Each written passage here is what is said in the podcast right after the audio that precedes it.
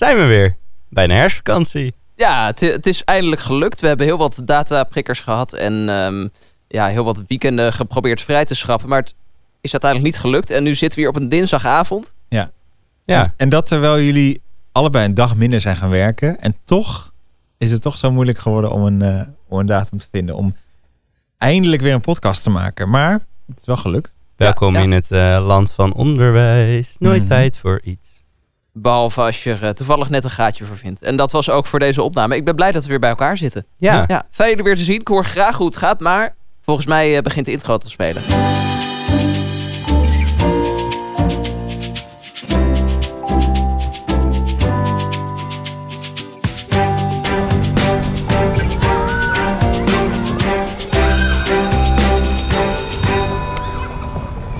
Welkom bij de God dat zie je niet vaak podcast. Heel officieel seizoen 4. Maar we gaan eigenlijk gewoon in de lijn van voor de zomervakantie verder.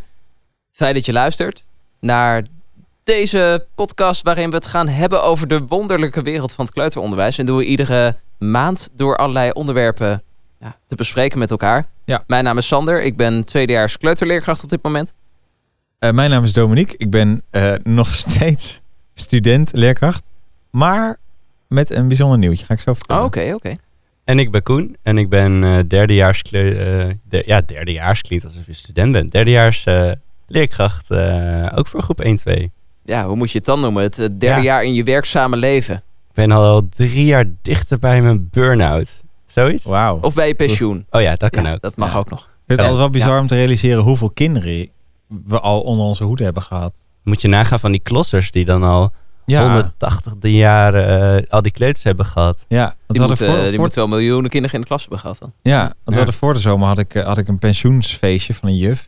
Die had dan ook iets van 40 jaar in het onderwijs gewerkt. Nou, 40 keer 30 kinderen. 1200 kinderen. En sowieso generaties ook. Ja, precies. Ja, dat is echt wel, wel bizar. Maar goed, daar staan wij nog aan het begin van. Dus eh, Ja, komt bij goed. ons is het nog maar 90 kinderen, misschien hoger uit, eh, die wij eh, Ja, hebben gehad. Maar goed, Ja. oké. Heel wat klassen nog te verslijten. Ehm, ja, ik, ik ben nu aan mijn tweede klas begonnen en jij aan eh, je derde inmiddels. Ja. Hoe is eh, de start van het schooljaar geweest? Ehm, ja, op zich best wel goed. Ik heb echt een hele leuke klas. Ik eh, vind ze echt allemaal bijzonder en allemaal leuk. En dat wil niet zeggen dat ik dat andere jaren niet vond. Maar ik vind het gewoon een hele leuke combi. Het is echt een groep groep. En dat is wel leuk. Ehm, ik zou zeggen, ik ben wel heel druk geweest. Heel veel naschoolse activiteiten. Heel veel allemaal leuke dingen. Echt alles was leuk. Maar heel veel eh naschools. Dus ehm, de balans tussen eh, betekenisvol onderwijs en leren, studeren. Dat is wel een eh, interessante combi geweest. Maar eh, nee, verder wel goed. Ik denk eh, dat de gouden weken goed zijn gelopen. En eh, ja, nu gaan we lekker van start om er weer een chaos van te maken. Mhm. Dus eh, en in welk opzicht is, jou, is deze klas anders dan de vorige klas die je had? ja, ik denk, ehm, er zijn maar een paar nieuwe kinderen. Dus ik denk ook dat ze al aan elkaar gewend waren. En ehm dat was het, de groep 1 werd groep 2 en die kenden mij natuurlijk al. Dus heel veel was hetzelfde. hè? Ja. En daardoor gingen we heel snel gewoon van, nou hoi, ik eh, ben meester Koen en dit zijn de klassenregels die we sa- hebben samen opgesteld. En dat ging eigenlijk super vlot. Binnen een week had ik al zoiets van, oh, oké, er zijn al wat routines, het loopt al, top. Chill. En dat maakt het heel gezellig en leuk. Ja. En bij jou Dominique? Eh, nou ja, ik, ik ben, eh, nou daar gaan we het zo nog over hebben. Ik ben eh, eigenlijk sinds de zomervakantie klasloos. Eh, en dat voelde ergens ook wel fijn. Maar ik merkte ook, op een gegeven moment begon het nieuwe schooljaar weer. En toen dacht ik, oh ja, shit, je- je- eigenlijk de trein vertrekt. En ik sta nog op het perron. Zo voelde het dan een beetje. Mhm. En eh, ik dacht van ja, dit moet toch wel veranderen. Dus ik ben eh, volop gaan solliciteren. En eh, nou ja, ik- we gaan het er zo nog iets langer over hebben. Maar eh, ik heb zojuist niet eh, nog minder dan een uur geleden te horen gekregen dat In de ik auto. ben aangenomen. Ja, ik stapte bij Nou. jou in de auto, Koen. Ja. en toen werd eens. ik letterlijk gebeld. Ik kon jou niet eens gedag zeggen. Eh, ik ben aangenomen op een school in Amersfoort voor een groep 1. Woehoe! Dus eh, ja, daar ben ik heel, heel trots van. En, van eh, harte gefeliciteerd, Dominique. ja, ik mag nog niet vertellen waar het is. Oh, oké. Want Ja, ik dat moet allemaal nog intern blijven. Maar ja, Ja, dat goed, moet inderdaad nog op de school website verschijnen richting de ouders. Ja. Precies. is eh, bij een, een of andere strafkamp in China. ja, is inderdaad. de geheime dienst. eh, Inderdaad. dit. Ja, laten we er nu vanuit gaan dat het daar is. Ja, ja, ja. Later kan ik hem Kan het alleen maar meevallen. Ja. Zo is het ook weer. Ja, Ja, maar ik vind het wel echt bloedspannend, want ik heb gewoon... eh, 1 november moet ik beginnen. En ik heb eigenlijk geen tijd om van tevoren op die school nog langs te gaan om iets in te richten of zo. Dus ik, ja, echt van het ene in het andere.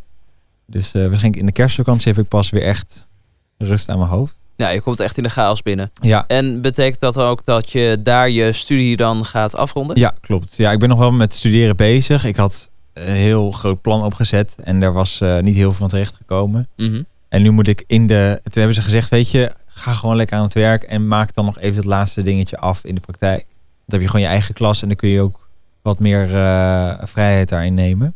Dus dat ga ik ook doen en daar ben ik heel, heel blij mee. Maar goed, ik begin wel met een instroomgroep, dus echt met vier kinderen. Eh, misschien net iets meer. Oh, je is- scriptie wordt echt easy peasy, man. Dat is wel heel spannend hoor. Hoe doet Jantje A, B en C het? Ja. Ja, hoppatee, klaar. Ja, een hele mini-enquête kan ik houden bij de kinderen. Maar jongens, vonden jullie het leuk in de huishoek? Ja? Nou, oké. Ik heb alles wat ik nodig heb. Ja, top. En bij jou, eh, meneer? Nou, ik heb het voor de zomervakantie er al wel eens over gehad. Dat ik op mijn huidige school ben beland eh, via het detacheerbureau. Mhm. En eh, na heel wat gesteggel eh, ehm, is, het, eh, is het eind vorig jaar duidelijk geworden dat daar mocht blijven.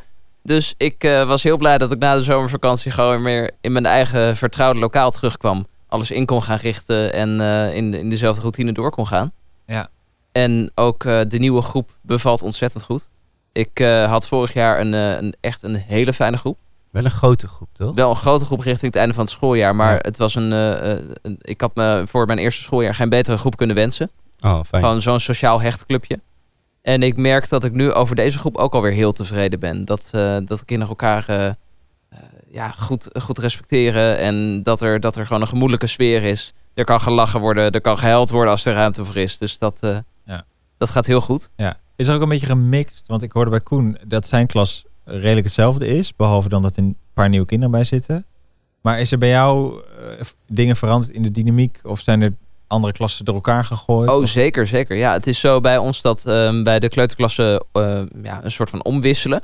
Oh, dat was ook zo, ja. Heb je Dus ehm, de groep 1 van mij vorig jaar is nu groep 2 geworden bij mijn collega. Ja. En ik heb de groep 1 als groep 2 bij mij ge- gekregen van haar. En eh, ja, de enige kinderen die ik heb gehouden zijn de kinderen die zijn ingestroomd. Dus zijn, wat is het, eh, eh, negen kinderen of zo die, eh, die dan van vorig jaar nog over zijn. Ja. En voor de rest zijn het allemaal nieuwe kinderen. Ja. Ja. En Zo. ik heb volgens mij vernomen dat jij... Hey, je werkt, werkt eerst vijf dagen in de week en nu vier dagen. Dat betekent dat jij een duo hebt. Dat klopt. Ja, ja, en het is een unicum. Hè. We zijn deze, deze podcast ooit eh, gestart vanuit het idee. Er zijn eigenlijk wel heel weinig kleutermeesters. En op het moment dat je zegt van ik sta als meester voor eh, groep 1, 2, dan krijg je ook te horen. Goh, dat zie je niet vaak. Ehm, maar nu heeft groep 1, 2b van de Ridderhof in Vreeland twee kleutermeesters. Wauw. Ja, goed. Want ehm, de, de leerkracht die, eh, ehm, ja, die dit jaar eh, een beetje de, de gaten opvult bij ons is Michiel. Een man die echt al ontzettend veel jaar in het onderwijs zit. Eh, geweldige leerkracht.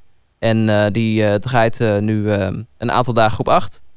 Eh, ook nog een dag groep 6. Maar daarnaast nu ook eh, dus bij de kleuterklasse een dag. Dus op de donderdag staat hij bij mij. En op de vrijdag bij, eh, bij de andere kleutergroep. Oké, Nou, go Michiel. wat goed. En eh, hij doet het fantastisch. En ik moet ook zeggen, om het stereotype helemaal compleet te maken, ehm, van een meester. Hij zei op een gegeven moment tegen mij, eh, Sander, je bent een hele leuke leerkracht, maar je mist toch wat. Jij mist een instrument. Oh, dat is een snor. Maar... Nou, ja, die, die snor probeer ik te laten groeien. Ja. Maar ik mis een instrument volgens hem. Want, eh, want hij eh, speelt heel eh, vloeiend gitaar en ook een aantal andere instrumenten. En ehm, eh, nou, op zijn aandringen heb ik een ukulele gekocht. Oké. Ja. Ik, Dus, Nou, dus ik, ga proberen, ik ga het proberen. Daar kom ik later nog wel een keertje op terug ja, in ik de zeggen, mag ik een voorstel doen dat jij volgende keer gewoon een liedje komt spelen in de podcast? ik denk dat dat heel hoog gegeven is. Als we nou een paar akkoorden zeggen, Oké. Ja. dan Paar is dat goed. akkoorden. Gewoon een paar losse akkoorden. Oké. Oké, Even smart stellen. Aan het einde van de volgende aflevering heeft Sander een paar akkoorden gespeeld op zijn eigen ukulele. Het C-akkoord ja, kan ik dan het spelen. Dan hoef ik maar één snaar in te drukken. Dat, Oké. is- Er dat wel- gaat lukken. Er zullen toch Ja. wel simpele liedjes zijn waar je maar drie akkoorden van Ja, nodig ja, hebt? zeker, zeker. Alleen het, eh, vooral het wisselen van die akkoorden, dat is Ja. zo'n eh, zo'n eh, muscle memory die je dan Ja. moet hebben. Dat, eh, dat Ja. gaat nog even duren. Succes ermee. Ja, dankjewel. Oké, ja, ik had net al verteld over eh, dat ik dus een groep 1 krijg. En ja, op mijn school tijdens de sollicitatie zei ze, ja, we noemen het niet echt een instroomgroep. Maar ik dacht, ja, eh, je begint met vier kinderen en er komen steeds meer bij. Dat noem ik toch een soort instroomgroep. Ehm, en toen dacht ik, hebben jullie ervaring met instroom. Ja, sowieso ervaring met instroomkinderen, maar een instroomgroep hebben jullie die op je school gehad? Of hoe, hoe, kijken jullie daarnaar? Of wat bied je aan aan zo'n groep? Zeker als het zo'n minimaal aantal kinderen is. Eh, ja, daar ben ik eigenlijk wel. Dat is ook iets waar ik heel erg tegenaan. Dat is ook iets waar ik een beetje tegenaan loop nu. Van ja, shit, ik moet straks beginnen. Maar waarmee begin ik eigenlijk? Ja, dat is een hele goede vraag. Ik zou er op dezelfde manier in staan. Ik heb dan één keer ehm, tijdens een stage gezien dat er een instroomgroep was. Dat was in, eh, in mijn tweede jaar eh, eh, van mijn studie. Toen verdwenen er op- opeens ook een aantal kinderen uit de klas. Want Elias stagiaire ging dan de instroomgroep starten. Dus ik dacht, hé, hey, waar is dat kind gebleven? Die, eh, die zat dan opeens bij haar. Ehm, maar ik, ik vond het altijd een heel interessant groepje om te zien. Dat het echt de allerjongste kleuters was, waren die bij elkaar zaten daar dan. En ehm, ja, ik heb me er eigenlijk niet heel erg in verdiept wat zij dan toen der tijd deed met de kinderen. Ehm, dus ja, ik zou er zelf de manier eh, over nadenken van, goh, wat, wat ga je met die kinderen doen? Maar misschien dat eh, Koen ons uit de brand kan helpen. Nou, zal ik dan maar even jullie brandje blussen? Ja, Ja. doe maar. Ja, Nou, ik heb zelf een instroomgroep gedraaid. Aha. kijk. En ehm, ook gezien op, eh, op werk. Mijn huidige werk heeft geen instroomgroep. Daar vangen we de kinderen gewoon in de klas op. En ehm, nou ga ik gelijk even met de deur in huis vallen. Wat nou echt het meest positieve is aan geen instroomgroep hebben, is dat de kinderen heel snel van peers, dus van de andere leerlingen, leren hoe het werkt. Mhm. En als je dus een instroomgroep hebt, dan leren ze wel van elkaar. Maar je hebt geen groep 2er die Nee. het even voordoet. Nee. Of geen groep 1er die het even voordoet. Nee, precies. Maar het hele voordeel wil van een instroomgroep hebben, is dat je de kinderen dus vanaf begin af aan alles aan kan leren. Ehm, en ik heb voor mezelf toen het eh, opgedeeld. Ik had dan een half jaar de instroomgroep. En het eerste half jaar heb ik gezegd, oké, we gaan puur de schoolse vaardigheden oefenen. Dus bij ieder momentje stond ik stil. Bij binnenkomen, bij eten, bij drinken, bij dingen vastmaken, tas pakken, hoe je het doet, wanneer je het doet, waarom je het doet. Ieder momentje ga je las, la- langs en je kiest natuurlijk allemaal onderdelen. Ehm, en dat begint bij eh, gewoon binnenkomen en hoe je dat dan doet. En eh, na een kwart jaar kan je zeggen, dan hebben we geleerd hoe we de schade vasthouden en hoe we opruimen en Ja. dat soort dingen. Ehm, en het tweede eh, kwart van het jaar, toen eh, ben ik vooral heel erg bezig geweest met de eerste onderdelen aanbieden. Dus het tellen tot en met vijf en eh, getalherkenning tot en met vijf en Ja. groepjes herkennen van 1, 2 en 3, allemaal dat soort doelen. Ja. Dus ik heb het heel erg opgedeeld. Je krijgt natuurlijk altijd wel kinderen binnenstromen, maar omdat je het opdeelt, maakt het niet heel erg uit. Want het kind dat het laatst binnenkomt, heeft natuurlijk dat eerste deel niet gehad. Maar die leert dat dan wel van de rest. Ja. Alleen je moet dat begingroepje, die eerste vier, die kwik, kwek, kwak en Jantje van jou, Ja. die moet je eigenlijk een soort masters maken Ja, van de groep. Want die moet jij precies gaan leren hoe je het wil hebben. Ja. En dan gaat de rest wel volgen. Ja, wel, wel een zware verantwoordelijkheid. Want dat moet Zeker eigenlijk weten. de rol groep van groep 2 worden. Maar eigenlijk terwijl ze Binnen nog maar instroomgroep. net Ja. een paar maanden op school zitten. Dat is echt wel eh, Ja, zwaar. ja. Maar zou je dan die kinderen, die kinderen dus daarmee toch een soort voorsprong geven? Want ik denk dat sowieso het geven van verantwoordelijkheid Mhm. Eh, geeft kinderen al een boost, zeg maar, om Ja. te gaan leren. Of om in ieder geval het geleerde over te brengen. Eh, dat ze daarmee eigenlijk iets meer bagage... ehm, Nou, ik zou wel hoge verwachtingen hebben van iedereen. En ik wil ook niet zeggen dat je ze voorop stelt. Maar ik zou eerder zeggen van de voorbeeldfunctie een beetje. Want ja, als je het ook fair en square bekijkt, de laatste die binnenkomt heeft misschien maar drie weken jou. Ja, dat is Dat waar. had ik ook. Ik had een kind dat zat maar drie weken bij mij in de klas en was het zomervakantie. Mhm. Ik ook dacht, moet je nou zes weken gaan uitrusten van drie Ja. weken school?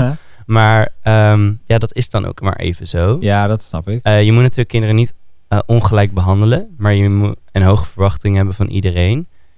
Maar ja, ik heb nu ook de instroomkinderen die binnenkomen. eh degene die in december komen, hebben al een half jaar gemist. Ja, ik ga niet ieder stapje nog uitleggen. Nee. Dat heb ik wel in het begin gedaan met deze kinderen.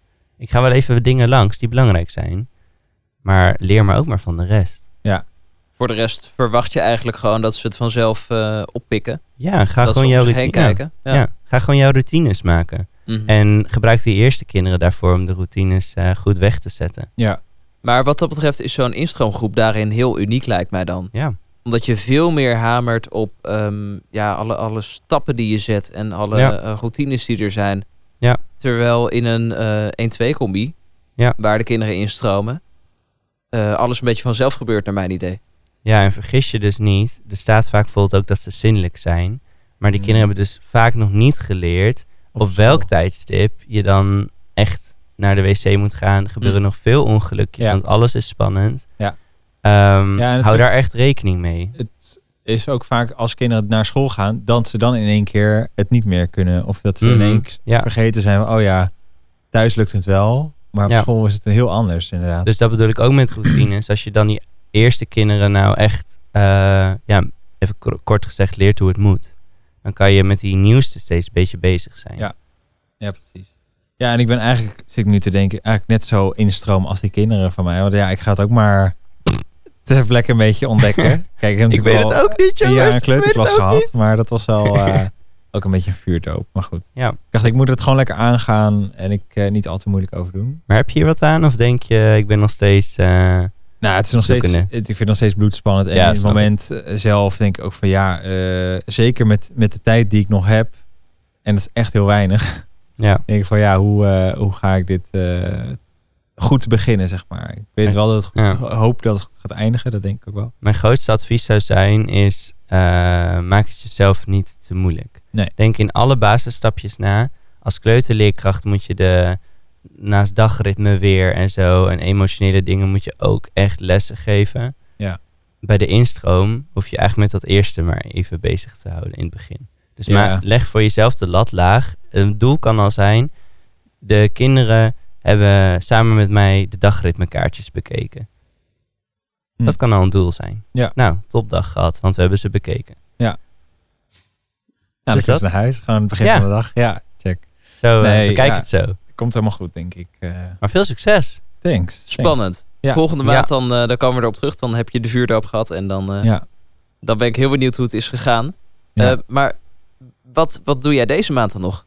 Ja, je zei, eh, het wordt, eh, die instroomgroep wordt spannend. Maar wat ik nu doe, is ook best wel spannend. Het is even totaal iets anders dan... dan hè, ik, ik, was, ik ben klasloos. Dus ja, wat ga ik dan doen met mijn tijd? En eh, ik heb mijn tijdje terug ingeschreven voor, om als scare actor, dus ja, acteur in Walibi World, bij de Halloween Fright Night. Of nou ja, eigenlijk de Spooky Days. Dus overdag heb je dan een gedeelte voor kinderen. En dat is eigenlijk in het hele park lopen in verschillende themagebieden acteurs rond verkleed als eh, weet je, wolven of eh, Dracula of eh, nou, allemaal monsters. En ik heb daar in een hele andere hoedanigheid te maken met kinderen. Het zijn echt jonge kinderen soms, ook wat oudere kinderen. Eh, maar ook wel eens dat er gewoon een peuter in een kinderwagen langs rijdt. Terwijl jij daar Wow. staat als... Nou, ik mag het nog niet vertellen, Sander, want jij komt een keer kijken. Dus ik ga niet Ja, ik, verklappen ik, wat ik ik ben ben. wel heel benieuwd wat je bent. Maar Als eng wel iets engs dus. Ja, als, als, eng, Ja. als eng figuur. Ja. En dan zie je sommige kinderen helemaal wegduiken. En sommige baby's, die, die kijken je aan en denken... oh, wat, wat grappig of zo. Die snappen nog helemaal niet dat het eng is misschien. Dat eng moet zijn. Ja, Ja, precies. Ehm, maar dat is een hele andere hoedanigheid waarin je met kinderen dan omgaat. Je moet ze bang maken, terwijl je als leerkracht vaak een soort veiligheid moet bieden. En nu lach je wel, maar volgens mij vind je het veel te Ja, leuk. ik vind het, ik vind het fantastisch. Ja, Ja, ik. Weet je, ik ben niet meer verantwoordelijk dat die kinderen... eh, Kijk, die ouders, die nemen Eh, die kinderen boe. mee. Oké, succes bij de dag. Doei. Nee, we hebben wel in de training gehad dat je, eh, je moet een kind altijd eerst eventjes checken van een afstand van oké, duikt hij weg, dan ga ik er niet op af. Nou, dat is gewoon, dat zou te sadistisch zijn. Maar dan pak ik bijvoorbeeld eh, de moeder die ernaast staat, weet je wel, die, eh, die ga ik dan even. eh, En als de moeder nou weg, wegduikt? Nou, dan, dan de vader. Of, Oh, ja. ja, goed, meestal. Gewoon iemand terroriseren en dan is, Ja, je, is je baan eh, Ja, compleet. precies. Ja. Maar dat deed me ineens denken, toen ik aan het denken was over onderwerpen voor de podcast. Ehm, binnen het dramaonderwijs is er ook iets als teacher in role. En dat hebben Sander en ik volgens mij een keer eh, bij de dramales op de Pabo gehad. Moesten we een les geven eh, in character of in, in rol. Ehm, dus je bent eigenlijk even geen meester meer, maar je bent het personage wat je dan, speelt. En het schijnt dat kinderen daar heel erg goed in mee kunnen gaan, veel meer betrokkenheid hebben dan. Maar hebben jullie daar ervaring mee met, met het eh, lesgeven als karakter of als rol? ja, ik heb het één keer heel uitgebreid gedaan. En dat was tijdens de studie. Het was een opdracht dat we een themamiddag zouden organiseren. En ehm, toen ben ik eh, eh, tijdens het, het eten van, van een broodje ben ik weggelopen. Heb ik mij eh, omgekleed. Heb ik een, eh, een hoed op mijn hoofd gezet. Ik heb een plakbaard opgedaan. Een heel wit kostuum aangedaan. Een, eh, een lampjesparaplu erbij gepakt. Het was heel uitgebreid. En ik ben teruggekomen als koning winter. Wauw. Oh, de Pabo, jongen. Echt, Ja, alsjeblieft. Het was fantastisch. Ja. Maar ik kwam die klas binnen en al de kinderen zaten te kijken van... Wie is dat nou weer? En natuurlijk zijn er altijd één of twee kinderen die zeggen... Ja, ja, maar jij bent gewoon meester Sander. Ja. En die moeten dan zichzelf overtuigen. hè? Precies, daar Ja. klets je dan overheen. Dus ik heb die hele middag daar gestaan als koning winter. En we hebben gezongen, we hebben gedanst, we hebben een, een dramales gedaan. We hebben in de gymzaal over ijsbergen gelopen en over een eh, meer geschaatst. Het was echt fantastisch. En de kinderen die gingen er geweldig in mee. Dus eh, dat was wel iets waar ik eh, toen heel veel zin in had, omdat dat heel uitgebreid is voorbereid. Maar als je het over de teacher in role hebt, eh, ja, een beetje spontaner of zo, of binnen een thema, dan vind ik dat vaak ongemakkelijk, omdat ik dan voor mezelf denk van ja, het is niet goed genoeg om alleen een hoedje op te zetten. Maar dat is eigenlijk klinkklare onzin, want op het moment dat je heel enthousiast die rol speelt, Ja. dan, eh, dan komen de kinderen toch wel mee. Ja, want Ja. inderdaad, hoe Ja. meer je het jezelf uitdost, hoe moeilijker het wordt om hè, makkelijk te kunnen switchen. Stel Ja. dat jij eh, dat het misgaat of zo, hè, dat de kinderen niet- meedoen of beetje recalcitrant worden. Ja, ga jij maar als koning winter eh, de kinderen terechtwijzen. Het kan wel, maar dat moet je dan echt met overtuiging doen. Ja, dat was Eh, zeker een uitdaging die middag. En dat Ja. is wel, dat heb ik een keer, ik heb die fout gemaakt in groep 6. Toen dacht ik, oh, ik ga, ik ga een keer teacher in role in groep 6 doen. En dat ging niet zo goed. Want toen ging ik met een Frans accent praten.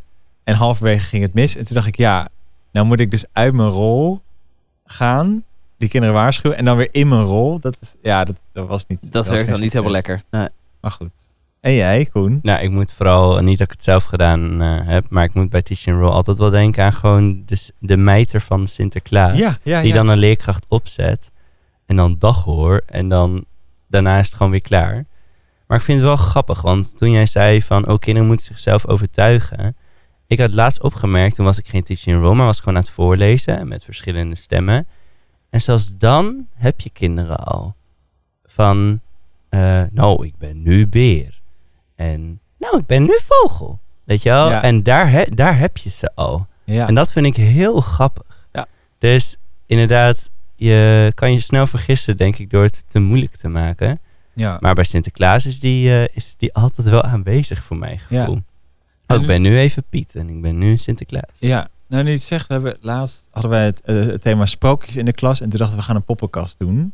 En dat was echt heel basic. Gewoon, we hadden karton, een kartonnen snoephuisje eh, had ik uitgeknipt. En, eh, en snoepjes gewoon van, van het snoephuisje helemaal met karton gemaakt. En toen ging ik met Petra, mijn, mijn duo toen de tijd, gingen wij dat in de klassen, in de alle drie de kleutergroepen, gingen we dat gewoon spelen. Terwijl wij als onszelf daar zaten met handpoppen. Dus dat is ook een beetje teacher in role. Want dat vonden het kinderen ook. er was de wolf. We hadden sprookjes gecombineerd. Hans en Grietje. Eh, het huisje werd opgegeten door de boze, grote boze wolf. maar die wolf was al best wel indrukwekkend of zo. En dat, ja, gewoon, al is het een pop. Maar goed, ik weet niet of we nu afgaan van teacher en role. Of dat het vergelijkbaar is met elkaar. Maar Nou, ja, teacher in role, ja, als je het een beetje bij de basis houdt, gaat denk ik vooral om jou. Dat jij natuurlijk verplaatst, maar poppen, ja, ik denk dat het ook wel een beetje teacher in Ja. role is. nou, wat je zegt met voorlezen. Hè, je doet stemmetjes. En dat is inderdaad Ja. ook al, je neemt een soort Ja. rol aan. Ja, Alleen dan Ja. misschien iets minder met eh, drama in het achterhoofd. Of, maar ik hoor je wel een soort basislijn van als leerkracht, als je zelf moet jij wel de leerkracht blijven en als het misgaat even ingrijpen, maar als rol moet je dan vooral, eigenlijk is dus de kunst zo goed je rol te doen dat je even niet geen leerkracht hoeft te zijn. Mhm. Dat denk gewoon dat een beetje allemaal de eh, kunst natuurlijk is. verloopt. Ja. ja, ja. En dat een beetje de kunst is. Of dat je dan, bijvoorbeeld als je Sinterklaas bent en het gaat even mis, van, oh nou, nu kan ik mijn verhaal niet afmaken hoor. Weet je, Ja, van ja. dat soort dingen moet doen. Ja. Of als koning winter. Ja, koning winter. Kom! Hé, hey, wat ben je aan het doen? Kom, we moeten snel de elfjes gaan helpen, want zo gaat het niet lukken. ja. Nou, zoiets. Ja. Nou, Ja. dan Ja, even ja. als test. Als je nou het thema kerst hebt, wat wordt jullie teacher in role? Eh, even denken hoor, ik zou... Ja, je, je verzandt dan heel snel in of een kerstman of een rendier of zo. Of... Oh, een rendier had ik niet aan gedacht om dat zelf te gaan acteren. Nee, ja, maar nou ja. Dat is wel leuk. eh, Ja. ja. god. De kerstster. Een kerst? Ja. Oh. Nee, ik maak maar een grapje, Ja. jongen. Ik Nee, ben ik... echt serieus. ja, De ja ezel. de, eh, goh, dan kom je toch heel erg bij het Amerikaans kerstverhaal. Maar ik zou denk ik een, een, een, een, een kersthulpje zijn of zo. Een, kerstelf. Ja. Ja. Oh ja. Hmm, ik een moeilijke vraag. Ja, nee, ik, vond, ik dacht, wat komt er nou als eerst bij jullie op? Ja. Ik zie jullie gelijk vet moeilijk kijken. Ja, Dat is wel ik- interessant. Ik, ik weet het niet direct. Ja. En, eh, Ik Ja. vind de kerstelf ook een beetje afgezaagd. Maar daar kun je nog een verhaal aan koppelen. Zo, we gaan... eh, Maar ik weet ja, nog, het- het- Sander, ik heb ook niet zoveel met de kerstman. maar- over Koning Winter, nog even Ja. jouw verhaal. Ik weet nog dat je volgens mij de dag van tevoren dat je die opdracht moest uitvoeren, echt in de kreukels zat van ja, ik heb geen idee wat ik met deze opdracht moet. En toen heb je volgens mij in één avond tijd heb je dat hele verhaal bedacht. Van oh, Koning Winter en eh, gaan we de skilift. eh dus de inspiratie is best, best nodig. Nou ja, inderdaad van eh, ja, kerst, dan denk ik aan die twee dingen. Maar er zijn misschien al veel meer andere dingen te bedenken die met kerst te maken hebben. Een sneeuwvlokje of een sneeuwman. Of... Maar het eerste waar ik aan moest denken is de kerstboomverkoper. Dat je gewoon even een petje Oh, opzet. precies. Ja, natuurlijk. En dat ik dacht, Ja. oh, dan doe ik gewoon een rekenles. Ja. Terwijl Ja. ik de kerstbomen probeer te verkopen. Ja. En dan ben ik gewoon even de verkoper. En hoe doe je eh, en hoe doe je dat dan? Stel, de luisteraars Ja, zijn even de, kleuters Oh ja. en even een audio, eh, audio auditief. Eh, nou ja, wat zou de opdracht zijn? Moet er een doel erachter zitten natuurlijk. Oké, grote en kleine kerstbomen. Nou, dan zou ik gewoon eh, zeggen... Oké jongens, nou... ehm, jullie wilden een kerstboom kopen, toch? Nou, laten we even kerstbomen... Nou, lopen we naar de kleine kring. wacht, dit, is, dit is gewoon Koen. Ja, lopen we naar de kleine dit is kring. gewoon Koen en dan... praat. ja, ik zeg, ik ben ook als leerkracht. Ik Oh, zeg, sorry, kom oh, even naar de kleine kring, want gaan jullie kerstbomen kopen? Dan ga ik even hier verder. En dan, ja, dan moet je even als personage komen. Ik weet niet welke stem bij een kerstboomverkoper hoort, maar... Oh, nog weer zoiets. eh, je markt, eh, nou, markt- welkom. welkom allemaal. Ik eh, zie eh, hier, nou, deze dame die wil vast wel een hele grote, hoge kerstboom. Welke is de hoogste? Nou, eh, even kijken hoor. Deze niet. de- Nou, en dan gewoon, Ja. ga je gewoon zo in je rol. Ik weet niet, dat, dat lijkt me wel grappig. Ja, Oké, nou, gaan we door. oké. Nee, maar ik, ik denk dat we dan al te moeilijk denken. Want eh, ik vind het heel leuk dat je nu met een heel simpel, eh, simpel rol komt als de kerstboomverkoper. Maar ik denk dan gelijk weer te moeilijk aan een, eh, aan een rol. Want Ja. ik denk dat ik er gelijk meer uit moet halen. Zoals bijvoorbeeld een hele themamiddag. Of kleding of zo. Of, ja, eh, precies. Ja, Net, als, net als Koning Winter, inderdaad, dat ik inderdaad de middag van tevoren nog helemaal niets wist. Ehm, en toen heb ik inderdaad heel simpel eigenlijk wat dingen bij elkaar gesprokkeld aan de hand van een prentenboek. En eh, liep het eigenlijk best wel. Een van de gouden tips bij het kleuteronderwijs. Hou het klein. Ja. Ja. Ik heb eh, voor de research had ik een website, die zal ik ook even in de show notes zetten. Dat is dramaonline.nl. En die hebben een hele pagina over Teacher in Role, waar ook tips staan en wat je allemaal nodig hebt. En er staat, nou, wat heb je nodig? Voor Teacher in Role is over het algemeen weinig nodig. Het is verstandig om je rollen te definiëren met bijvoorbeeld verschillende hoedjes of attributen. Dit geeft de leerlingen duidelijkheid naar wie ze op dat moment luisteren. Gebruik hier dus geen complete kostuums, want dit werkt heel vertragend. Hè? Dan moet je weer Nee, wacht jongens, ik ben nu even niet meer koning Winter. Wacht even hoor jongens, Eh, eh, even, even stil, want ik ben nog even aan het omkleden. Eh, ja, ik ben weer de meester. En dan, oké jongens, dit is de bedoeling, dit en dit. Oké, nou, ga, nou word ik koning Winter hoor. En dan weer helemaal Oei, omkleden. ja. Dat, he- dat heeft natuurlijk geen zin. En dat is wat ik, waar ik vorige keer tegenaan liep. dat je dan dus helemaal verkleed bent. En dan denk je, ja, Ja, shit, ja. ik moet even iets als meester zeggen. Maar ja, ik ben nu niet een meester. Nou, dat wordt eh, heel erg eh, tijdrovend. Nou, te vinden in de show notes dus. Ik zal het er even inzetten. Er zijn heel veel tips en eh, volgens mij ook nog ergens een link naar een, een, een spelles. Over kerst trouwens. Dat is ook wel Nou, ideaal.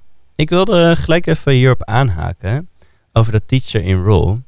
Want ehm, ik hoorde net al van eh, Sander, jij dan, eh, je zei een kerstmanhulpje achtig iets. En ik hoorde jou, Dominique, al praten over ook mannelijke rollen. Maar ik hoorde niet jullie zeggen over dat je een vrouwelijke rol aanneemt. En dat brengt mij een beetje op het volgende onderwerp. Namelijk eh, een fantastische vraag. Ehm Kan ik het nu nog goed praten door te zeggen dat een kerstelf ook een vrouw kan zijn? Of, ja, je zei man. Nee, hoor, oei, oei, oei. Ja. Nee.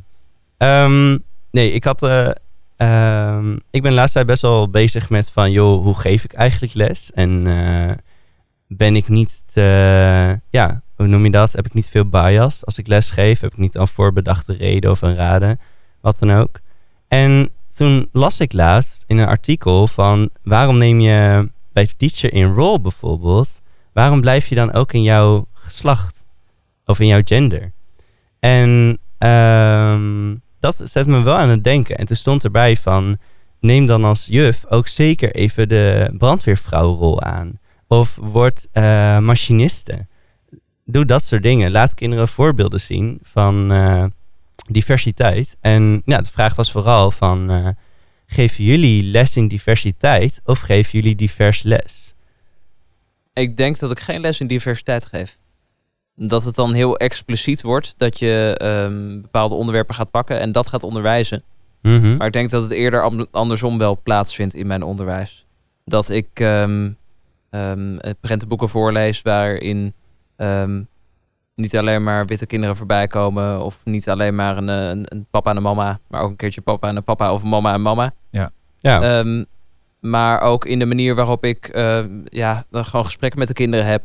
Op een gegeven moment was er een jongetje met nagellak. En eh, ik zei, wauw, wat heb je gave blauwe nagels. En toen zei iemand anders, oh, maar, maar ik draag ook nagellak. En nagellak, dat is voor meisjes. En ik zei, oh, maar hij heeft ook nagellak. Dus staat hem ook leuk. Dus dan, dan, dan gewoon een beetje het normaliseren van dingen die normaal gesproken echt aan een geslacht gekoppeld worden. Dat Ja. komt in gesprekken terug. Oh, nu ben ik wel gelijk heel benieuwd. Ik, ik zou dan aan het meisje vragen van... Oh, maar waarom is dat dan voor meisjes? Ja. Weet je, Ja, dat dat, een vind ik echt van die Ja. hele mooie eh, Ja. gesprekken. Ja, en ik denk ook... Ontbreek ik je nou of niet? Nee, nee, nee. Ik denk ook dat je daar als leerkracht heel goed een voorbeeld in, in moet nemen. Hè, bijvoorbeeld over dat nagellak. Eh, het jongetje heeft nagellak, het meisje vindt daar iets van. En het blijft heel erg bij het jongetje wat nagellak heeft. Mhm. Maar ik zou dan denken van... Oh, heb je het nagellak bij? Ik wil ook wel een oh, paar dat is ook een hele mooie. nagels. Ja. Ehm, Nee, ik wilde ook echt niet zeggen dat het verkeerd is. Maar ik, in alle Mhm. drie zit een kracht. Dus in inderdaad zeggen van... Oh, nou, dat vind ik mooi. Gewoon Mhm. dat het heel normaal wordt. Er zit een kracht in met dat meisje in gesprek gaan. Waarom Ja. vind je dat? En wat jij nu afsluit, eigenlijk al die drie de dingen. En er zit een kracht in dat jij juist daarin meegaat. ja. Mhm. ja, het is ook iets heel simpels. Bijvoorbeeld eh, dat de roze... Roze is voor meisjes. Dat is Mhm. een beetje het, het stigma wat er heerst. Mhm. En eh, als ik met de kinderen aan het tekenen ben, dan zeg ik wel eens: Oh, mag ik de roze? Want dat is mijn lievelingskleur. En dat, Oh, ik, nice. ik vind het, dat is niet per se mijn lievelingskleur, maar ik vind het gewoon een mooie kleur. Jij Ja, ja. geweest. Nee, maar, nee, maar ik denk, eh, ik vind het ook geen lelijke kleur. Dus ik denk van, nou, ik vind Ja, het gewoon een ja. mooie kleur. En dat laat ik heel duidelijk blijken. eh, zodat iedereen, ja, onbewust misschien door heeft van, oké, nou, roze is gewoon een kleur. Het is niet een kleur voor meisjes. Ja. Nee, Dat, en, pre- eh, en precies. En ik was gewoon over na aan het denken. Want hè, de feestdagen komen er weer aan. En de nieuwe themaplanning komt er weer aan. Want eh, wij hebben dan een thema van na de herfstvakantie eh, tot de kerstvakantie. Maar hoe houd ik iedereen betrokken? Want ik ga het misschien wel doodleuk hebben over Sinterklaas en over kerstfeest. Maar ik weet al dat twee kinderen geen kerstfeest vieren. Mm. En niet alle kinderen vieren Sinterklaas. En, ehm, en dat hoort er ook bij. Dus het gaat inderdaad van nagelak, maar ook gewoon tot de thuissituatie. En ik ben, ja, ik ben er de laatste tijd heel erg naar eh, aan, op zoek van...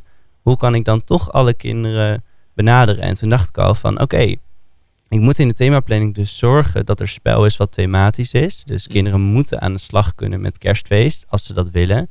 Maar kinderen moeten ook de ruimte krijgen om er totaal niet mee bezig te zijn. Want voor sommige kinderen is het een nieuw feest, of hebben ze er nog nooit van gehoord, of vieren ze thuis niet. Dan denken ze, ja, leuk voor jullie, maar mij interesseert het helemaal niks. En daar zit dus ook de kracht in. Dus inderdaad, je hebt het inderdaad de jongen met de nagellak, maar je hebt ook ehm, het meisje dat op school komt en dat gewoon geen enkel feest viert. Ja, dus ja. daar, en daar ja, was ik wel benieuwd naar van, zijn jullie je daar bewust van? Of ben jij eh, toch meer in je lesgeven zo van, dit is het thema, iedereen doet mee? Daar mag je ook keuzes in maken natuurlijk. Nou, waar ik het laatst wel over had met collega's, ehm, was het eh, benoemen en bespreken van feesten op school. Want wij eh, zijn een school met een eh ecumenische achtergrond. Wat is dat? Ik weet het niet. Dat houdt in dat wij ehm, eh, zelf een, een christelijke school zijn, maar dat we openstaan voor alle ideeën en iedereen is welkom. Ehm, maar we, we benoemen voornamelijk de, de christelijke feesten. Dus ehm eh, dingen als het suikerfeest komen niet heel expliciet terug. Terwijl het juist interessant zou zijn om dat te bespreken met de kinderen en terug te laten komen. Of misschien juist daaromheen ook iets te organiseren. Mhm. Ja. Ehm, dus dat is iets wat, eh, wat, wat wel eh, ehm, ja, gaande is eh, Mhm. binnen, binnen het team. Ja, Ja, Dat daar meer aandacht voor moet gaan komen. ja. Ja. Ik zou dat- ik zou dat ook vooral eh, met ouders samen doen. Als in, hè, ja, ik, eh, over Ramadan of eh, suikerfeest of zo. Ik weet daar te weinig van, omdat, Mhm. om daar genoeg aandacht aan te besteden. Ja, ja. Ik zou eerder denken van, oké, mijn de wil is er om daar aandacht aan te besteden. Ik kijk in de klas of hè, in, de, in de bouw of er ouders zijn die hè, een achtergrond hebben die Mhm. Ramadan vieren of, of suikerfeest vieren. En die probeer ik te betrekken bij, oké, hoe kunnen we dat vormgeven? Willen jullie daarbij helpen? Waar moeten we aan denken? Ja. Eh, zodat je een veel eh, echter beeld krijgt hè, dan, ja, maar zo vieren. eh, ik denk dat, eh, dat we dit zo vieren, dus eh, we hebben ons eigen beetje luizenmoederachtig. eh, ja, precies. Dat je dat krijgt. Ik denk dat dat ook wel het beste is, ja. Want ik ben daar geen expert in, in die feesten. Omdat ik ze zelf niet vier en nooit heb meegemaakt.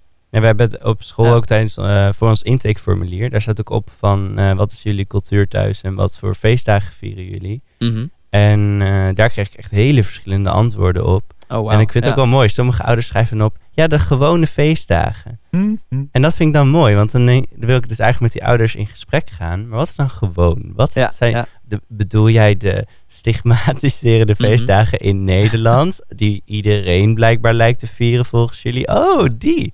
Nee, maar het is niet zo passief-agressief. Maar Ja. Ik heb trouwens nog een tip, want eh, binnenkort op 2 november is er vanuit het COC een congres eh, over diversiteit in het onderwijs. En dat congres eh, komt vanuit het COC en het COC is de LGBTQH community vooral.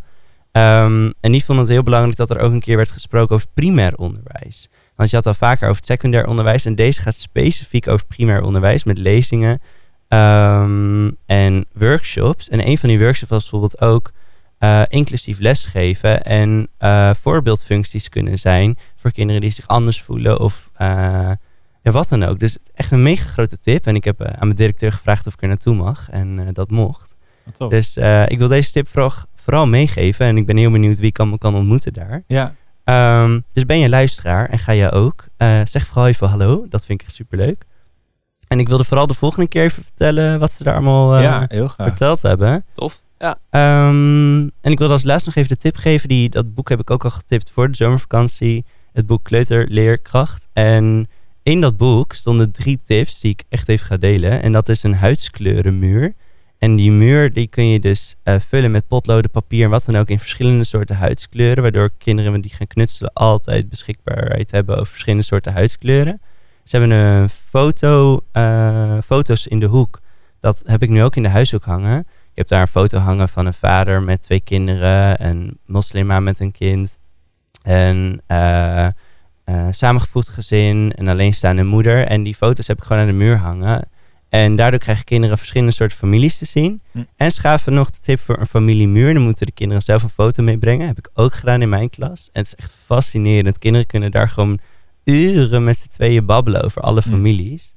Dus ehm, lees dat vooral even. Ik zal ook in de show notes even het boek neerzetten. Ja, ja, volgens mij vor- vorige keer hebben we het ook besproken. ja, ja. Aan de hand daarvan heb ik het boek ook gekocht. Nou, fantastisch. Alleen ik heb het nog niet uit. Ik heb het in de vakantie een heel stuk gelezen. Ja. Maar het Maar is echt wel nog een heel- hele andere benadering dan de gewone eh, literatuur. Ja. Dat is wel bijzonder. Ja, Dus eh, dank jullie wel. Ik wilde vooral het gesprek eh, altijd eh, open houden hierover. Ja. Dus, eh, ik ben heel benieuwd inderdaad hoe we er volgende keer op verder kunnen gaan. Want het, Ja. eh, Ja. Ik vind eigenlijk al dat we er te, te weinig tijd voor hebben nu. Ja. Maar Klopt. wel Ja. interessant. En ik vind sowieso een hele leuke. Je benoemde al net al dat bij jullie in het intakeformulier staat. Ja, klopt. Ehm, dat, vind, dat vind ik al een mooie opening. Omdat je dan Ja. al direct vanaf het begin een inkijkje hebt in de thuissituatie van, eh, Ja, van eh, je kind op ehm, cultureel vlak. Ja, Ja. sowieso. Tof. Nee, er is ook genoeg over te vertellen hoor.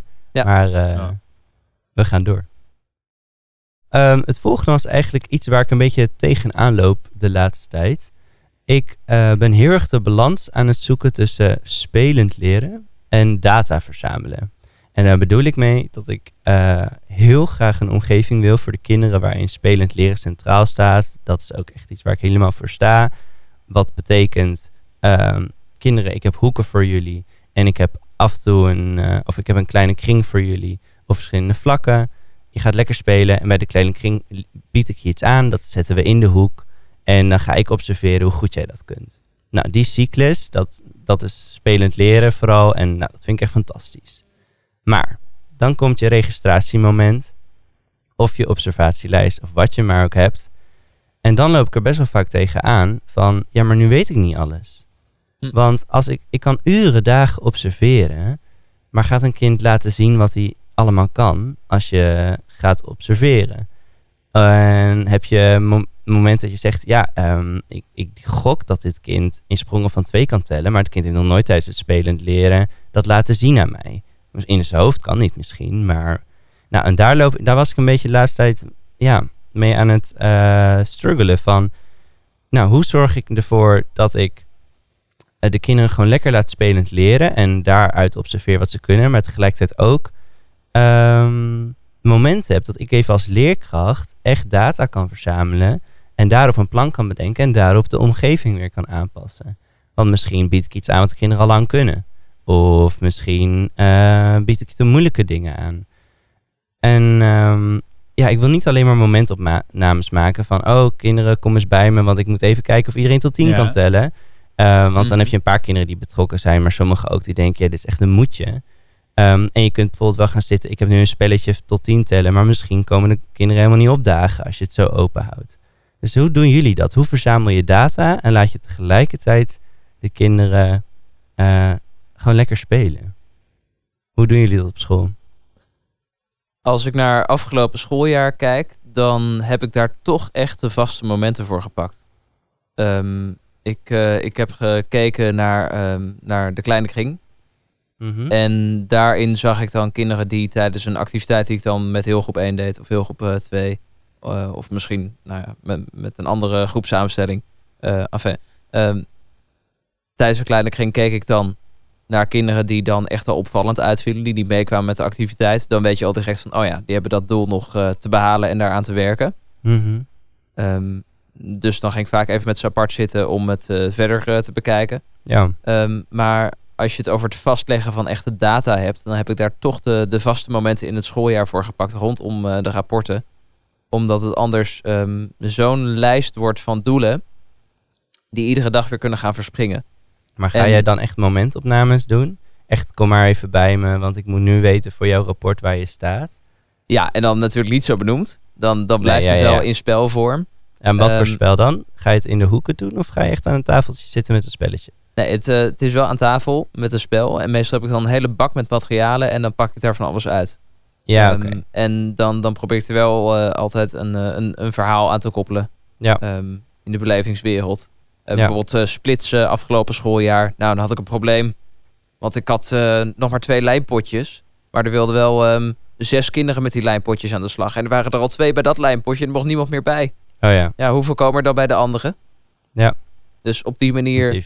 Ja. probeer ik het wel altijd eh, de kinderen betrokken te houden. En je merkt al gauw genoeg welke kinderen echt betrokken zijn op dat moment. Ja. Die vinden het echt leuk om een spel te doen. Dat je een, een aantal eh, eh, doelen al hebt afgestreept en bekeken. Mhm. En dat ze dan zeggen, oh, maar mag ik, eh, mag ik niet nog wat langer blijven? Moet ik nu alweer terug naar de klas? Ja. Of moet ik nu alweer verder gaan spelen? Oh ja. ja. Ehm, en je hebt ook kinderen inderdaad die dan daar al komen en zo... Wel geen zin om een spelletje te doen. Ja. ja. dan ga je het anders aanpakken. ja, precies. Die want- kinderen die pak je op kortere momenten. Ehm, neem je wat meer de tijd voor en dan bied je het echt in spelvorm aan. eh, eh, Ja. Want eh, sommige kinderen kun je ook domme zeggen, nou hoeveel dopjes liggen er? En dan tellen ze tot 20 door en dan, dan weet je dat ze het kunnen. Ja, precies. Of, maar dan moet jij ja. dus vragen. Weet je wel? Ja, Daar ja, zit bij mij dus de wrijving in. Van Ja? hoe creëer je nou de omgeving dat je dat eigenlijk niet hoeft? Want als je al die hele inspirerende boeken leest, dan zeggen ze: ga de hoeken observeren, ga samenspelen en dan ontdek je alles. Ja. Maar ik mis soms echt dingen. Maar Ja. zijn, is momentopnames zijn dat dan, is dat dan verantwoord? Ja, of daar ben ik wel een beetje zit, zoekende in. ik zit met het woord momentopname. Dat, dat, dat klinkt al heel... Een soort, heeft een soort negatieve ondertoon. Ja, van, ja, dat hoeft niet te zijn, je- maar- eh, Inderdaad, je, het is een momentopname. En dan kan het, eh, volgende week kan het weer anders zijn. Mhm. Maar bij sommige Mhm. kinderen zie je gewoon meteen in de momentopname, weliswaar, van ja, maar dit doet hij gewoon met gemak. Of dit is Mhm. gewoon een gelukje. Ja. En Ja. die gelukjes, die kun je dan later nog op een andere manier observeren. Misschien ook weer. Eigenlijk, het, het is sowieso. Het observeren van spel is ook een momentopname. Ja. Mhm. Ja. Dus ja, eh, ik vind het helemaal niet zo'n verkeerd iets. En natuurlijk, je hebt gewoon een jaar met kinderen. Dus je kunt op verschillende momenten gewoon even checken. Oké, eh, Ja. maar Ik, inderdaad wel in ehm, spelvorm. Dat ben ik wel met je eens. Maar Ja. af en toe, denk ja, als je inderdaad al die doelen als een lijst wil afwerken, dan ontkom je er denk ik niet aan. Ja, ik ben soms gewoon een beetje zoekende van... eh, je wil bijvoorbeeld heel graag een eh, tekentafel hebben... en dan ga je kerstkaarten schrijven. Ja. Maar ga je daar alles zien van taal? Nee, misschien niet. Oh, hoe ga je, hoe ga je dan het resterende? Want je moet bijvoorbeeld ook nog even rijmen hebben geoefend. Waar Mhm. ga je, hoe ga je dat controleren? Weet je wel, daar ben ik dan een beetje Ja. zoekende in. Maar zou je dat dan niet in, eh, in speciale hoek doen? Je hebt de, de huishoek en de, de themahoek. Maar je kunt ook een, een rekenhoek maken of een taalhoek. En dat je daarin de doelen eh, aanbiedt. Dat je een rekenhoek hebt en je wil weten dat ze kunnen tellen of ze kunnen wegen. Een hele specifieke hoek bedoel jij? Echt Ja. voor één doel? Ja, nou ja, niet voor, niet voor één doel, maar er zitten natuurlijk meerdere doelen in zo'n hoek. Alleen ze vallen allemaal onder wegen of ze vallen allemaal onder tellen. Waardoor je dus heel gericht kan observeren. Ja, dat je, Mm. dat je kunt zien van oké, dat kind eh, is vandaag met eh, eh, zwaar en licht bezig. En de volgende dag is hij met eh seriëren bezig. Van hey, Ja. dit is zwaar en steeds lichter. Nou, dan heb je al twee doelen. Want hij kan onderscheid maken tussen licht en zwaar. Maar hij kan ze ook klassificeren of seriëren. Maar zou je dat dan verplicht moeten maken? Van iedereen moet even in de puzzelhoek zijn geweest, want ik moet weten hoeveel stukjes je kan maken. Ja, op het Ehm. moment dat jij per se de, de informatie wil hebben, dan, dan zul je het verplicht moeten maken, lijkt Ja. me. Ja, maar ik vind Ja. ook, het Ja. is ook om kinderen te leren dat ze af en toe iets moeten proberen. Ja. Want als het Ja. misschien iets eng lijkt van ja, met de we- eh, weegschaal ja, boeien, dan ga Ja. maar eens even kijken wat je allemaal mee kunt. Ja, je kunt ook, moet, moet op een gegeven moment ook kinderen misschien een beetje daartoe zetten, denk ik. Ja. Ondanks dat het dan, ja, misschien de kans is dat de betrokkenheid lager is. Maar Ja. Mhm. Nou, we hebben eerst al de golden tip gehad natuurlijk, nu van Dominique, om even een hele gerichte hoek Ja. te maken. Maar ik denk dat het ook wel goed is voor luisteraars. Heb jij nou echt de tip? Of zeg je, hey, ik ben eh, onderzoekende in eh spelend leren eh slash data verzamelen. Heb je een goede tip? Laat het ons weten. Ja. We lezen ook zeker heel veel boeken. En ik heb ook al heel veel hierover gelezen. Ja. Maar toch de praktijk, dan wil ik echt zeggen even de praktijk. Dus de theorie zegt bijvoorbeeld, ehm, heb af en toe een datamoment, maar doe dat alsnog in de hoeken. En nu wil ik even de praktijk, maar hoe doe ik dat dan? Ja. Nou, thanks. Alvast. Blijft een interessante. Ja, Ja. Oké. zeker. Nou, en als je uiteindelijk al die data hebt verzameld, dan kun je wel een mooi rapport schrijven. En dat rapport dat komt dan bij ouders terecht. En, eh, en ouders die, eh, die, die openen het altijd vol verwachting. Maar er kan er wel eens in staan van... eh hè, Dominique, die kan nog net niet helemaal resultatief tellen tot en met 10. Ai, ai, ai, ai. Ja, hoe reageren Wat? ouders dan? Mijn kind! Ons kind? hey, pest jij nou dit kind totdat hij twee vaders heeft? hey, hey. Nou, kijk, als je met zo'n situatie te maken krijgt, dan moet je wel eh, weten hoe je moet handelen. Ik had ehm, gisteren een training. En dat was een training waarbij ehm, een acteur aanwezig was. En we gingen allerlei eh, situaties, ehm, hoe ouders kunnen reageren tijdens gesprekken, naspelen. En dan ging het over agressie in gesprekken. Oh, cool. En dan was ook direct, ehm, ja, de, de, kregen we de handvatten van hoe kun je nou die agressie terugbrengen, zodat je wel een inhoudelijk constructief gesprek kunt hebben. En dat het niet alleen maar eh, eh, de agressie en de emotie is die de overhand neemt, zodat je vervolgens ehm, ja, helemaal niets meer kunt bespreken met de, de ouders. Mhm. En daarbij werd, ehm, ja, dan kom ik toch met een theoretisch model, de agressieladder benoemd. Mhm. En ik vond hem wel heel mooi visueel, want het zijn een aantal vormen van agressie. En ehm, de eerste twee vormen van agressie, ja, dat, daar, daar valt nog eh, ehm, mee te praten. De Ja. eerste vorm van agressie gaat namelijk eh, als een ouder het op zichzelf betrekt. Bijvoorbeeld eh, klagen over hoe het thuis gaat of eh, dat, dat hij best wel zwaar heeft met zijn kind en dat hij altijd eh, verdrietig thuis komt of moeilijk naar school gaat 's ochtends. Echt verbale agressie ook. Ja, dat, Ja. Dat, het is sowieso nog verbaal. En het betrekt heel erg op eh, de ouder en de thuissituatie zelf. Ja, ja. Ehm, een een, een, een B-agressie, dan is dat al meer uitgesproken. Dan is er echt kritiek op het beleid van de volledige school. Van, oh, jullie hebben hier op school ehm, ehm, deze methode en daar, daar ben ik het niet mee eens. Want mijn kind leert daar helemaal niets meer over. Dat, eh, dat vind ik echt eh, verschrikkelijk. Ja, jullie dit, jullie Ja, dat. jullie, jullie, jullie. Ja, de ja. school als geheel. Ja. En dan ga je een beetje een lijn over die gevaarlijk wordt. Want dan kom je bij eh, de C-agressie. En dat wordt dus, nou, wat jullie net al richting mij deden, echte persoonlijke aantijgingen. Oeh, het staat er gelijk in C, Dominique. Ja, ja, ja. Dan, dan zit er dusdanige zorgen dat eh, een ouder op dat moment eh, heel hoog in de emoties zit en dat het eh, echt aantijgingen worden van ja maar, ja, maar jij doet iets verkeerd met mijn kind en jij, jij had nooit voor de klas moeten staan. Hoe kun, kan jij nou als nietsnut een, een, een stel kinderen les geven? En op het moment dat ouders in die modus zitten, ehm, moet je altijd zorgen dat, dat terug te brengen, want je, je gaat niet bij ze binnenkomen. Ja, maar dit is ook al het einde van de verbale agressie, zie ik. Ja. Je zit al op, het, op de grens. Je zit echt op de grens richting fysieke agressie, want dat is D inderdaad. En eh, nou ja, dan gaat het echt over slaan en over schoppen. Nou, laten we hopen dat je het eh, nooit hoeft mee te maken. Eh, maar bij C moet je dus echt wel gaan oppassen. En ook duidelijk kunnen zeggen van... stop, jij noemt mij nu niets nut. Ehm, zo wil ik niet verder in gesprek. En ook de ouder voor de keuze stellen. Ga je hiermee door, dan plannen we op een later moment een afspraak. Maar we gaan, gaan dit gesprek niet voortzetten. Nou, Sander, kap nou even met trappen de hele tijd. Je zit al de hele tijd met te trappen. Oh, sorry. Dit is echt Ja, eh, ja. Nee, agressie maar, kijk, maar jullie... ja, ja. maar, maar dan heb je de knop alweer omgezet. En Ja. kun je langzaam eh, ja, Ja. Een, beetje de, de emotieballon leeg laten lopen. Ja. Waardoor je toch weer richting afspraken kunt, eh, kunt Maar- gaan. Het is ook vooral een heel spannend idee, want dat moet je ook niet alleen doen. Nee. Maar, Nee. maar een ouder gaat toch niet van... Ja, nee, maar dit, dit- dit- je bent een nietsnut. En dat je zegt... Ja, je noemt me nietsnut. eh we gaan een ander gesprek plannen. En dat die ouder... Ja, oké. ik heb even een Nou, agenda. Dat, dat, is, dat gebeurt toch niet? Dat kan gebeuren. Want iemand kan dusdanig hoog in zijn emoties schieten... dat hij niet doorheeft dat hij jou op dat moment aan het beledigen is. Ja. Omdat het een heel eh, ja, primitieve reactie is. Want iemand heeft zorgen. Die maakt zich daar echt dusdanig veel zorgen om. Mhm. Die wordt gewoon heel boos. Ja. Dat is logisch. Ja.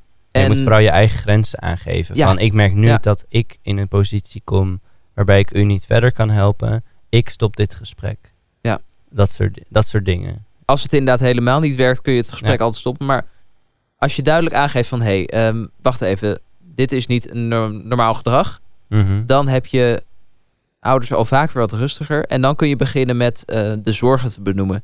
Dus echt vragen, eh, waar zit je zorg? Dat herhalen, want dan, dan raakt de ballon van emoties weer wat leger. En dan, eh, dan komt er een soort van rust... Mhm. waardoor je wel duidelijke, constructieve afspraken kunt gaan maken. Ik merk dat u het erg lastig vindt. Die, die, eh, die, dat soort zinnetjes. Kan je dan mooi gebruiken. Toch? Wel- Welke zin? Nou, ik, eh, ik zie dat u het lastig vindt. Of Ja. ik merk dat u veel ja. doet. Dat is een hele goede. Of eh, ja. ik zie Ja. dat u veel emotie heeft bij dit onderwerp. Tijdens de Ja. cursus gisteren werden, werd het jaatjes vangen genoemd. Want op het moment dat jij Oh, dat ja. soort zinnen gaat gebruiken, Koen, zo van, ik zie dat u het erg lastig heeft. Ja, dat klopt. Dan, dan, dan ontsnapt er al wat lucht, ontsnapt er al wat Ja, emotie en ja. dan gaat het langzaam terug naar de basis. Wat is nou eigenlijk het probleem? Waar zitten de zorgen? Want het gaat er echt uiteindelijk niet om dat jij zo'n eh, zo'n rotleerkracht bent en dat jij niets nut bent. Maar er zijn- Nee, nee. Uiteindelijk is het doel van die ouder ook gewoon dat je samen het beste voor dat kind hebt. ja, En dat het kind, ehm, eh, vol, eh, ja, dat het kind uiteindelijk met plezier naar school gaat en daar dingen leert. Kreeg je dan ook tips over je eigen emoties? Of moet Ja, je die ja, dan ja, vooral bewaren? Want als iemand bijvoorbeeld met een vuist naar je toe komt, lijkt me Ja. het sterk als jij dan zegt, nou, ik stop u hier even. Maar als je bijvoorbeeld iemand hebt die nog verbaal heel agressief is, dan kun je Mhm. eventueel nog bedenken, joh, eh één oor in, ander oor uit. Ik stop u hier even. Maar het lijkt me als je echt wel C en D hebt, dan lijkt me best wel dat je misschien zelf ook denkt van, en nu word ik heel boos, want Absoluut. Ja, dat is, is niet oké. dat is wel het lastige aan, eh, aan eh, echt agressie in, in, in een C- en een D-categorie. Dus op het moment dat het echt eh, persoonlijke aantijgingen, beledigen, eh, dreigen wordt. Ehm, want net als die agressie van die ouder gewoon een hele primitieve reactie is vanuit de emotie. Mhm. zul jij ook zelf ehm, een beetje primitief gaan reageren. Omdat je Ja. er door overvallen kunt worden of door schrikt. Je kunt bijvoorbeeld echt bevriezen. Dat je even niet meer uit je woorden komt en niet meer weet hoe je moet reageren. Eh, je kunt eh, eh, vluchten door, door daadwerkelijk weg te lopen of een beetje te gaan pleasen. Zo van, ja, ja, Ja. maar, maar ik begrijp wat je zegt en het komt goed. En, Dus vooral bewust zijn van wat dus je doet. vooral het bewustzijn Ja. op het moment dat je te maken krijgt met echt sterke verbale agressie of fysieke agressie. Ik denk dat ehm, ik... zorgt er wel voor. Ik denk dat ik zou huilen. Ja? Dat, dat, is, dat is vaak mijn primaire reactie als mensen mij aanvallen of Ja. echt hard eh, aanspreken. Ik krijg er altijd een brok in mijn keel. En dan voel ik al gewoon van oké, Ja. ik moet hier weg. Want eh, ja, Ja. echt best wel pittig. En de Maar- kunst is dan dus om vanuit je professionele rol eh, daardoor te breken door die primitieve reactie. En te bedenken van, hé, hey, wacht eens even. Dit is niet normaal wat hier gebeurt. Ja, ja. We moeten zorgen dat, ehm, dat de ouder gekalmeerd wordt en dat we daadwerkelijk de zorg gaan bespreken. Ja, Maar het is moeilijk hoor. Maar op het moment dat iemand in zo'n relaas zit en alleen maar dingen aan het roepen is, dan, dan, dan komt er niets in. ja. Dus kalmeren is dan echt het belangrijkste. Ja, Ja. dan had ik nog een, een vraagje, want eh, we zijn natuurlijk een podcast over kleuteronderwijs. Eh, en het gaat nu over ouders Mhm. die ook in groep 8 tegen zou Ja, kunnen ja, komen. klopt. maar is dit ook eh, te betrekken op kleuters, op de kinderen zelf? Of, want ik zie hier, eh, A is zichzelf, agressie naar zichzelf. B is naar de organisatie. C is naar de medewerker. En D is fysiek. Je Maar- doet eh, me denken aan de film van... eh ach, hoe heet dat nou? Van eh, Luistermoeder, de film. Oh ja, oh, heb je, gekeken. ja, daar heb je dat jongetje ook die, ook die vormen van agressie toont. En uiteindelijk blijkt er, die is dan D, die is heel fysiek. En ja. die doet dan van alles. Maar wat blijkt er dan achter te zitten? Dat hij gewoon een hele moeilijke situatie heeft. ja. Ja. Oh, grappig. Nou, Maar ik, dan ik nog- denk dat het wel te betrekken is op de kinderen. Want als jij een kind ziet wat inderdaad heel boos is en eh, aan het slaan is of heel hard aan het schreeuwen, ehm, dan kun je, kun je daar ook boos op worden en zeggen van, hey, niet slaan, ga maar even op je stoel zitten en bespreken we het zo meteen. Maar je kunt ook eh, er naartoe gaan, de situatie proberen te de-escaleren, de, de woede terugbrengen en dan eh, direct bespreken Ja. wat de zorgen zijn. En daar hebben we het ook wel vaker over gehad. Hè? In een aantal podcasten terug had ik ook genoemd over dat talig. Dat je ook heel erg de spiegel moet zijn. Van, oh, ik zie nu dat jij heel boos wordt. Want kinderen hebben Ja. vaak nog niet genoeg woorden om de emoties te benoemen. Ik zie dat jij erg boos wordt. En ik zie dat jij om je heen aan het slaan bent. Dat is niet oké. En dat is niet veilig. En blablabla. Ja. ja, maar wat me opvalt in die agressieladder is het op jezelf betrekken van agressie. Ik zie dat bij kleuters weinig, nog weinig. Hm. Dat zij boos worden van, zich, van zichzelf of, op zichzelf. Het is vaak Dat frustratie. die heeft, Ja, ja. die heeft mij geslagen of die heeft iets gedaan. Mhm. En oh ja, interessant. zij moet het oplossen. Ja. En misschien naarmate je volwassener wordt, dat je het meer op jezelf kunt betrekken. Mhm. En dat ouders die dat heel moeilijk vinden, het inderdaad nog steeds bij zichzelf leggen. Of die dat niet geleerd hebben. Maar ja, ik vraag me af of. Ik denk dat dit wel een best wel volwassen model is. Ik vraag me af of het ook een soort kindervariant is. Ja, maar zelfs op zichzelf is discutabel hoor. Want als Sander het voorbeeld gaf van en thuis dit, thuis dat. Misschien benoemt een ouder dan nog steeds niet de agressie naar zichzelf. Nou, meer dan in de zin van, eh, van ja, eh, ik heb het heel moeilijk met hem ja, ja. om naar school te brengen. Ja, Dan- oké, ja, is dat is anders. zichzelf Ja, ja, spreken. ja, ja. Maar niet per se inderdaad eh, het, het echte ik. Nee. Nee, nee. Terwijl kleuters zijn egocentrisch, maar op dat gebied zijn ze heel erg op de ander gericht, Ja. denk ik. Maar je merkt dan natuurlijk wel als je zoveel eh, met die als je echt agressie ervaart, dat dan ook het respect natuurlijk van leerkracht naar ouder, maar ook van ouder naar leerkracht natuurlijk ver te zoeken is. Terwijl het respect eigenlijk heel belangrijk is. Want ik denk dat zo'n kind, vooral een kleuter, merkt haar fijn jouw relatie met die ouders. Ehm, dus ja, ik denk ook dat wederzijds respect er gewoon heel belangrijk is om dat wel weer te herstellen als je dan een situatie hebt gehad. Of juist te behouden als je het nooit hebt gehad. Absoluut, ja. Ja. En met wederzijds respect valt ook een hoop te voorkomen. Sowieso. Dat er dan eh, de open communicatie is en de veiligheid om dingen tegen elkaar te zeggen. Ja. Maar eh, hoe verdien je dat eigenlijk, respect als leerkracht? Want we hadden het net eh buiten de podcast nog even om, over het verschil tussen dorpsschooltjes en ja, toch grotere scholen. ja. En jij werkt op een grotere school. Is, is, is het daar Ja, anders? groot, ook nog wel redelijk klein. Maar ehm, ik denk dat je het heel erg kan winnen. Uit mijn ervaring is het la- laagdrempelig zijn. Dus heel Mhm. bereikbaar voor ouders. Maar tegelijkertijd eerlijk in je grenzen hebben. Dus als een ouder bijvoorbeeld iets vraagt. Ik heb ook wel eens een ehm, collega gehad. En die draaide er een beetje omheen. En toen dacht ik, oeh, dit is wel spannend wat je nu doet. Want eh, er was met, iets met de situatie en nou, er, wa- er was gewoon iets en ze draaide eigenlijk een beetje omheen. En toen had ik laatst ook situatie en toen heb ik gewoon heel duidelijk tegen die ouder gezegd, nou dit zie ik. Dit is letterlijk wat er gebeurt. En toen zag die moeder zo rustig en blij van, oh fijn, ja thuis is dat ook al. Toen dacht ik, oeh, terwijl ik het echt heel spannend vond om te vertellen, want er ging iets echt niet goed. Ja. En toen was het zo rustig gekant. Toen dacht ik, oh, en toen merkte ik gewoon even het wederzijds respect van moeder naar mij, dat Ja. ik gewoon zo eerlijk was. Dus Ja. ik denk laagdrempelig zijn en grapjes kunnen maken en dat soort dingen. En dan aan de andere kant, nee, zo staat het ervoor. Ik denk dat je daar de meeste ouders wel mee hebt. Ja. En ik denk ook dat oprechte interesse heel belangrijk is. Oh ja, ja, oprecht zijn. Betrokkenheid. Want op het moment dat je geen oprechte interesse in ouders toont en eh, betrokkenheid eh, inzet, dan ontstaat er al een soort van muur. En Ja. eh, daarmee valt ook een beetje de communicatie. Ja. En eh, communicatie is ook ontzettend belangrijk, want als dat er niet is, dan, dan loopt het dood. Sowieso. Als er niet de veiligheid is om, eh, om, om zorgen te delen wederzijds, dan, eh, dan gaat het niet werken. En wat is jouw golden rule, Dominique, bij ouders? Pleasen. Gewoon alleen maar Ja, pleasen. please Ja. van alles. Ja. Ja. Nee, ehm, nou, ik denk sowieso, ik heb nog eh, nou, eigenlijk geen conflicten gehad met ouders. Eh, omdat ik, ik, ik heb wel het idee dat ik redelijk sociaal ben, eh, ook in oudergesprekken of het contact met ouders.